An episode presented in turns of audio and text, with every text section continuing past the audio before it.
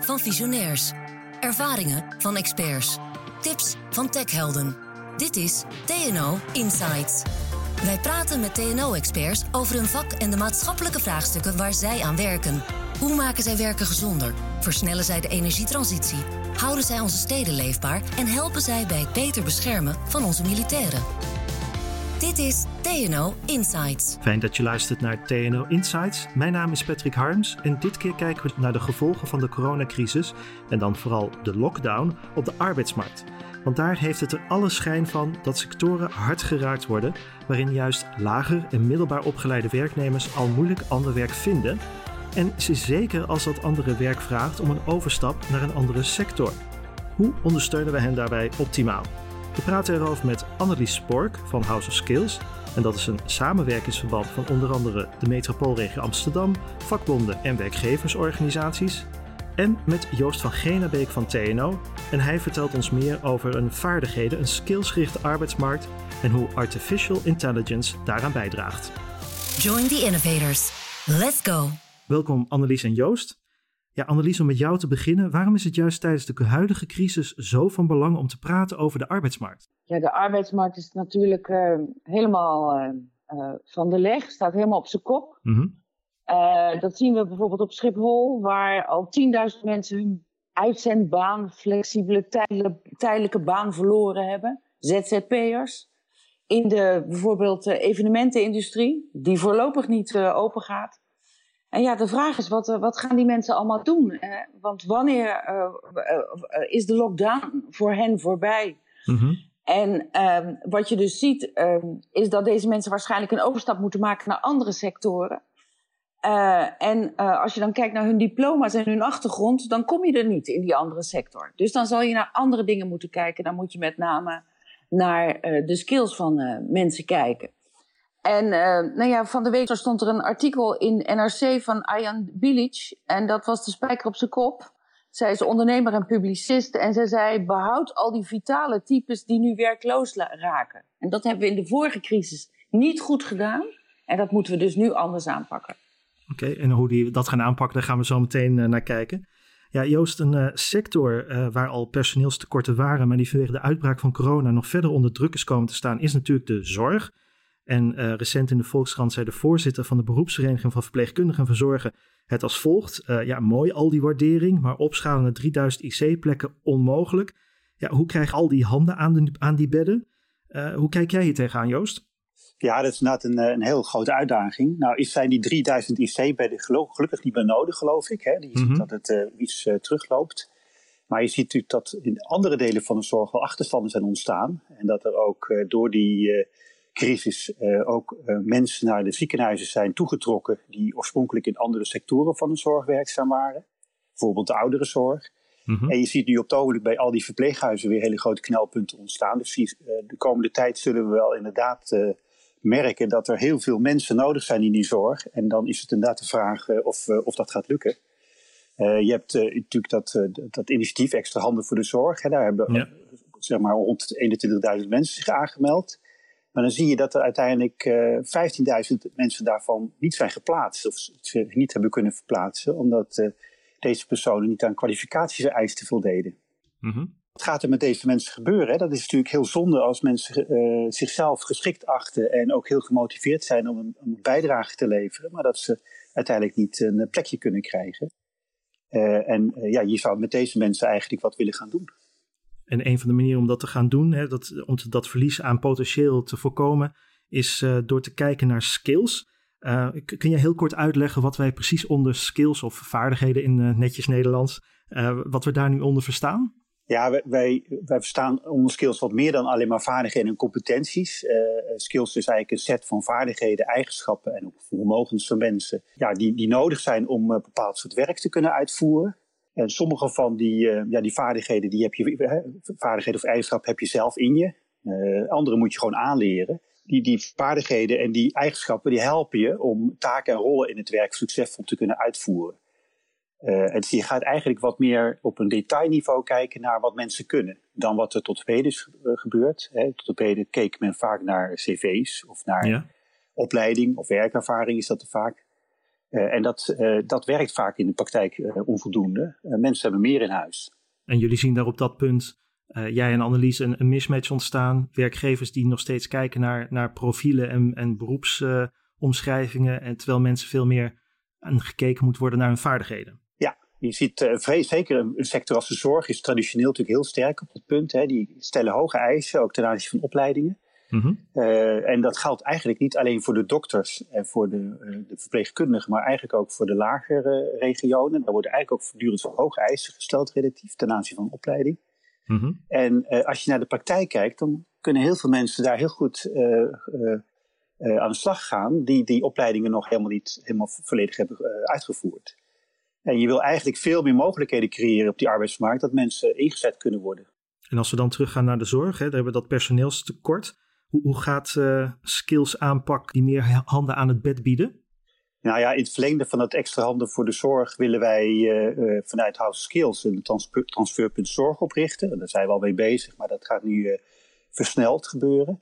Mhm. Eh, en um, ja, dat transferpunt zorg zou de taak krijgen om die, die 15.000 mensen, die we nu zeg maar niet geplaatst kunnen worden, om daar nou eens goed te gaan kijken of, of die mensen op basis van hun skills, vaardigheden en, en eigenschappen uh, toch een plek kunnen krijgen. Uh, en dat transferpunt krijgt dan ook een rol om bijvoorbeeld een programma op te zetten voor eventuele bijscholing of werkervaring opdoen zodat die mensen eh, zeg maar geleidelijk aan ook aan de kwalificaties gaan voldoen voor dat werk. Ja. En daar zetten we vanuit TNO een aantal instrumenten voor in. Een quick scan zijn we aan het ontwikkelen, waarmee je vrij snel kan bepalen wat, ja, wie, wie geschikt is voor de zorg en wie wat minder. Mm -hmm. we willen ook echt gaan kijken op, die, op basis van die skills, wat, op welke banen in de zorg mensen heel goed geplaatst zouden kunnen worden. Dat doen we met behulp van de, de, de paskamer, dat is een online tool van TNO. Maar we willen ook een, andere instrumenten inzetten. We willen ook uh, simulatietool gaan, op, gaan maken om te kijken nou, waar, zetten nou met name die, waar zitten die behoeftes in die zorg met name. Welke functies is dat dan met name. En we willen eigenlijk ook gaan zoeken naar mogelijkheden om als mensen geplaatst worden, dat ze ook niet uitvallen. dus eigenlijk ook gaan monitoren wat de werkdruk is van mensen.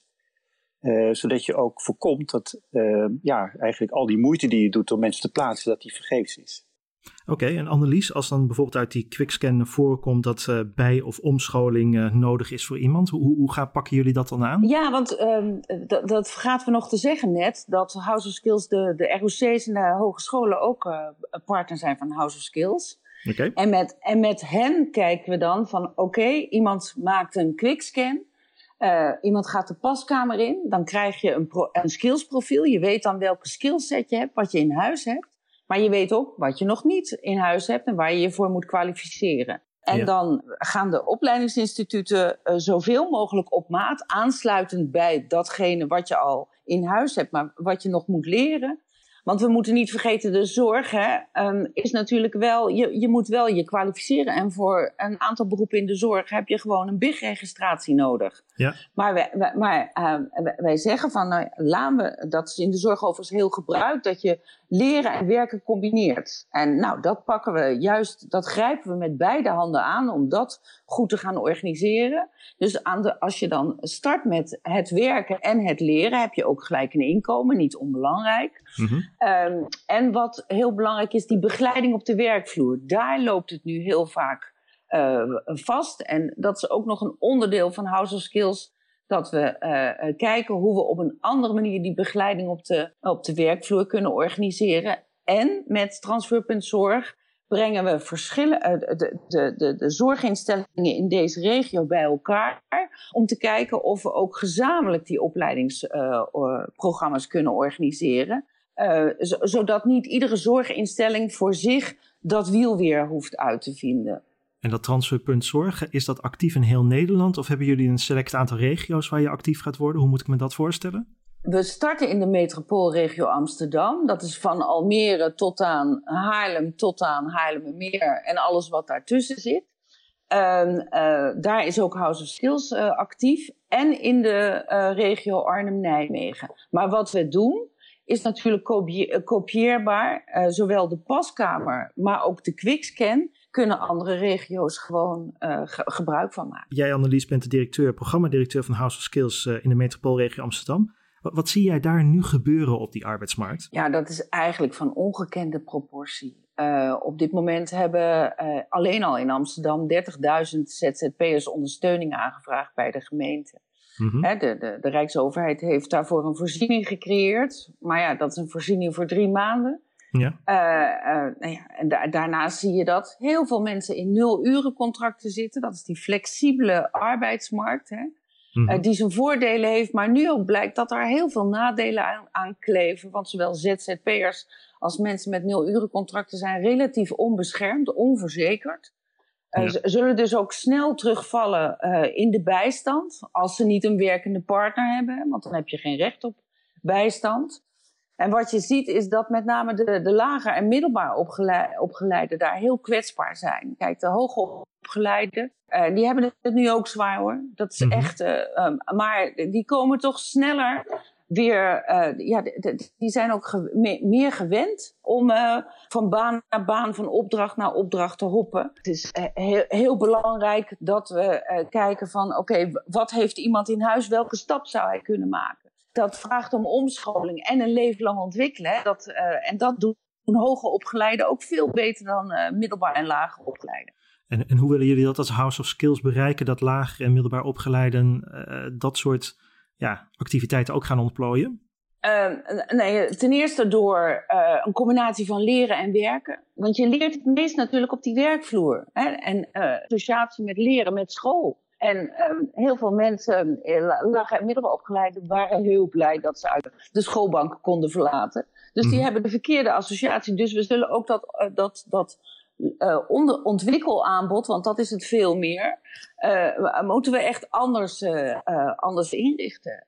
Dat doen we nu ehm, door te kijken naar skills van mensen en aansluitend bij die skillset een, mensen een, perspectief bieden waar, waar ze ehm, nou, mogelijkerwijs een, nieuw, ehm, nieuwe, nieuwe kans krijgen, een nieuwe baan vinden waar ze zich ook lang bij voelen. En dus als je, wat, wat Joost ook zei, als je kijkt naar ook eigenschappen van mensen, wat past nou echt bij jou? Dan, uh, dan kunnen we veel beter uh, matchen. En wat is dan het voordeel van een uh, ja, skills-gebaseerde aanpak ten opzichte van ja, de conventionele aanpak waarin we alleen maar naar kwalificatie en die beroepsprofielen kijken? Nou ja, op het moment dat je vrachtafhandelaar bent, dan heb je veelal een, een VMBO-diploma. Je hebt misschien nog wat aanvullende certificaten, maar, maar heel erg gericht gerelateerd aan de logistiek. En heb jij daar ook een skillset die daar prima bij past? Dus, dus um, dat verbreedt je perspectief. Je krijgt veel meer kansen. Ja, Joost, uh, we hebben het over skills. Het verschilt dat heel erg per persoon, lijkt mij.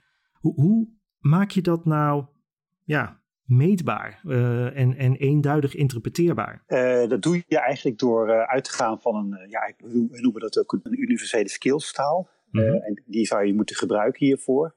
Ja. Uh, dat is eigenlijk dat, uh, dat je een taal gaat bezigen die voor iedereen ja, eenduidig is. Hè? Dat iedereen weet wat je ermee bedoelt.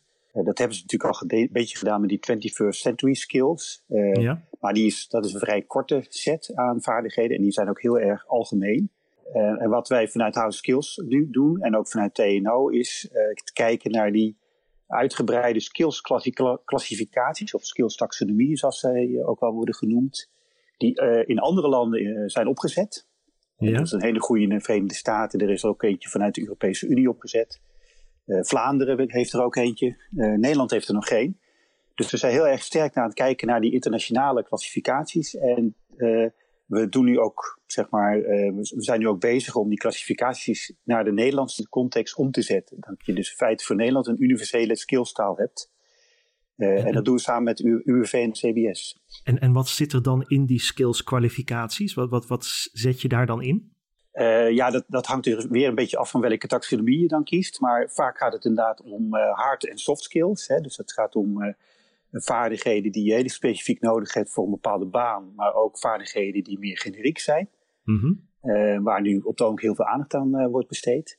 Uh, maar je gaat ook kijken naar, uh, dat heet dan in het Amerikaans of in het Engels abilities, hè, je, je, je, eigenschappen, uh, mm-hmm. die mogelijkheden. dat, dat, gaat om fysieke, maar ook mentale eigenschappen, mogelijkheden. Dat, dat, richt zich meer op je, zeg maar, je persoonlijke situatie, je lichamelijke situatie, maar je geestelijke situatie. Maar je gaat ook kijken naar werkstijlen. Iedereen heeft andere werkstijlen. de ene is secuur, de andere die is volhardend. Ja, dat soort zaken doen er ook toe bij het uitoefenen van een baan. Uh, en dat, als je dat nou voor zorgt dat je daar met een eenduidige definitie, die je ook zoveel mogelijk wetenschappelijk onderbouwd, uh, gebruik gaat maken, dan kan je mensen veel gerichter uh, ondersteunen. Dan kunnen ze veel gerichter ja, matchen aan een baan. Dat is eigenlijk wat we nu aan het maken zijn. En ik begrijp dat bij het matchen van die banen en, en mensen op elkaar dat artificial intelligence een rol speelt. Ja, want je hebt natuurlijk met heel veel data te maken, heel snel al. Alleen die taxonomie zelf kennen. Ik noem maar even die, die Amerikaans als voorbeeld. Uh, kent al uh, 22.000 uh, beschrijvingen van taken van banen. Wow. Dat is al heel erg veel natuurlijk. Mm -hmm. uh, als je dat allemaal voor de Nederlandse context geschikt wil maken, moet je, dan kan je dat niet allemaal handmatig doen. Dan moet je echt wel gebruik maken van moderne technieken. Uh, en um, ja, dat doen we dus nu ook op het ogenblik. Uh, daarnaast moeten die, uh, zeg maar die taxonomieën, die klassificatie ook geschikt gemaakt worden voor heel veel mensen, voor al die werkzoekenden. En je wilt ook kunnen testen. Ook daar heb je machine learning technieken voor nodig. Ja. Ehm, en ja, we maken dan gebruik van allerlei AI-technieken zoals embedding technieken, waarmee je ehm, ja, die skills kan dynamisch kan maken. Hè, want de feitenclassificatie is heel statisch. Maar je wil ook er eigenlijk voor zorgen dat je iets hebt wat anticipeert op die grote verandering op die arbeidsmarkt. Die is nu bijvoorbeeld heel groot. Dan wil je er ook uh, zicht op krijgen. Dat doe je mm bijvoorbeeld door middel van vacatures. Ja. Die vacatures aan zich geven niet heel veel informatie. Maar door heel specifieke embedding, tech, uh, embedding technieken kan je de informatie van zo'n vacature beoordelen en koppelen aan die taxonomie. En wat is dan een embedding technologie voordat je verder gaat? Dat is een vorm van machine learning waarbij je eigenlijk woorden en woordgroepen uit vacatures toewijst uh, aan factoren met reële getallen. Ja, het klinkt een beetje abstract. Mm -hmm. En daarmee kan je dus eigenlijk, um, nou, ik noem het even als um, een heel simpel voorbeeld, je kan dan synoniemen creëren die in vacatures worden gebruikt en die je kan, kan relateren aan bepaalde skills. Ja. dus uh, je maakt de feiten herkenbaar in de facturen welke skills daar, daarmee gemoeid is. Op die manier kan je dus uh, veel beter uh, zowel werkgevers als werknemers voor advies dienen. En, en heb je al een werkend prototype daarvan op dit moment? nou, we zijn, we zijn die eerste koppeling nu aan het maken tussen het Europese systeem, het ESCO-systeem en het ONET-systeem, dat is het Amerikaanse systeem. Ja. Daar, zijn we, ja, daar zijn we nog druk mee bezig. Dat is een hele klus. Uh, ten aanzien van die vacatures, dus dat die word embedding die we daar uh, uh, uitvoeren, hebben we al wel eerste prototypes. dus de eerste, eerste versie is vrij grof en kan nog niet heel veel, maar na verloop van tijd wordt het allemaal steeds verfijnder, kan ook steeds meer, meer zien en, en lezen. En daar zijn we gewoon druk mee bezig op het ogenblik. En dat zien en lezen, ja, een, een, een punt wat vaak genoemd wordt rondom artificial intelligence is bias. het experiment in het buitenland bleek dat een AI-gestuurd recruitment systeem eigenlijk telkens dezelfde soort mensen aannam. Hoe ga je dat nou voorkomen binnen dit systeem? Ja, eigenlijk ook weer met behulp van die word embeddingstechnieken. Want met, die, ja. uh, met dat machine learning uh, kan je dus ook uh, opsporen wanneer er bepaalde discriminatoire beschrijvingen voorkomen in vacatures. Ja. bijvoorbeeld, en dat kan ook heel indirect zijn. Dus dat er indirect eigenlijk naar bepaalde eigenschappen wordt verwezen die met name bij vrouwen aanwezig uh, zijn, of, bij, of bij, juist bij mannen. Uh, mm-hmm. uh, op die manier gaan we eigenlijk kijken van hoe ver komen dat soort beschrijvingen terug in vacatures en kan je daarmee ook aanbevelingen maken om dat veel neutraler te formuleren. Zo op die manier gaan we ook kijken naar leeftijdsdiscriminatie, onderscheid naar ras enzovoort. ook daar zijn allerlei ja, woordvariaties in te bedenken. Uh, die, uh, ja, die, uh, die op dat spoor kan brengen. Dus die biases zijn we heel gericht eruit uit aan het halen. Dat is ook een onderdeel van het TNO-project om, dat, ja, om dat te doen. Een ander aspect, kon je allerlei punten noemen, zoals mensen hun achtergrond, ras en dat soort zaken. Dat, is natuurlijk hele erg privacygevoelige data. Ik kan me ook voorstellen dat, dat bij House of Skills daar zorg over is. maar hoe ga je dat voorkomen? Privacy is inderdaad is, is, is in eerste instantie nog niet een heel groot issue zolang je met, uh, met die taxonomie zelf bezig bent uh, uh, of met die vacatures. Taxonomie zelf zijn natuurlijk eigenlijk gewoon expertsystemen en daar zit nog geen persoon achter. Mm-hmm. en bij vacatures gaat het eigenlijk om openbare informatie die bedrijven uitzetten. Ook daar is dat privacy aspect nog niet zo groot. Het gaat wel gebeuren als we gaan testen met echt mensen. Hè, dus kijken van hoe ver werkzoekenden ook echt de banen kunnen vinden die bij hem past. en daar maken we gebruik van geanonimiseerde datasets van vooral UWV, maar ook van CBS. Die zijn al geanonimiseerd voordat die bij TNO terechtkomen. En dan is eigenlijk ook de uitkomst niet meer leidbaar tot een persoon. Zijn jullie de partij Annelies die daar heel kritisch op toeziet? Hebben, hebben jullie daar afspraken over gemaakt? Daar hebben we een waakhond, een privacy waakhond bij de gemeente Amsterdam, die daar heel strikt op toeziet. We mhm. hebben ook een privacy officer. En daar is, um, de, de, gemeenteraad heeft daar uh, ook allerlei uh, regels voor ontwikkeld. en dat wordt heel stringent getoetst. want wat je absoluut niet wil, is dat bepaalde groepen in de samenleving, doordat ze dit instrument gebruiken, niet aan, aan bod komen. Dus absoluut, daar zijn allerlei afspraken over en controles op georganiseerd ook. Dus mensen kunnen met een gerust gevoel uh, aankloppen bij House of Skills uh, en bij TNO om hier aan deel te nemen. Absoluut, absoluut. Tot slot aan jullie beiden. ja, de focus is dus heel sterk gericht op een omslag in denken rondom het nut van skills ten opzichte van die beroepsprofielen. Ehm, zijn er nog meer vaste principes of uitgangspunten in het systeem die langzamerhand in een ander daglicht komen te staan dankzij die coronacrisis? Kun je er één of twee noemen, Annelies? Nee, één heb ik eigenlijk al genoemd. Dat, dat het belangrijk is dat, dat wij zorgen dat mensen zich een leven lang kunnen blijven ontwikkelen. Mhm. Dat is nu echt voor bepaalde groepen veel beter georganiseerd dan voor anderen. de hoger opgeleide versus de lager en middelbaar opgeleide.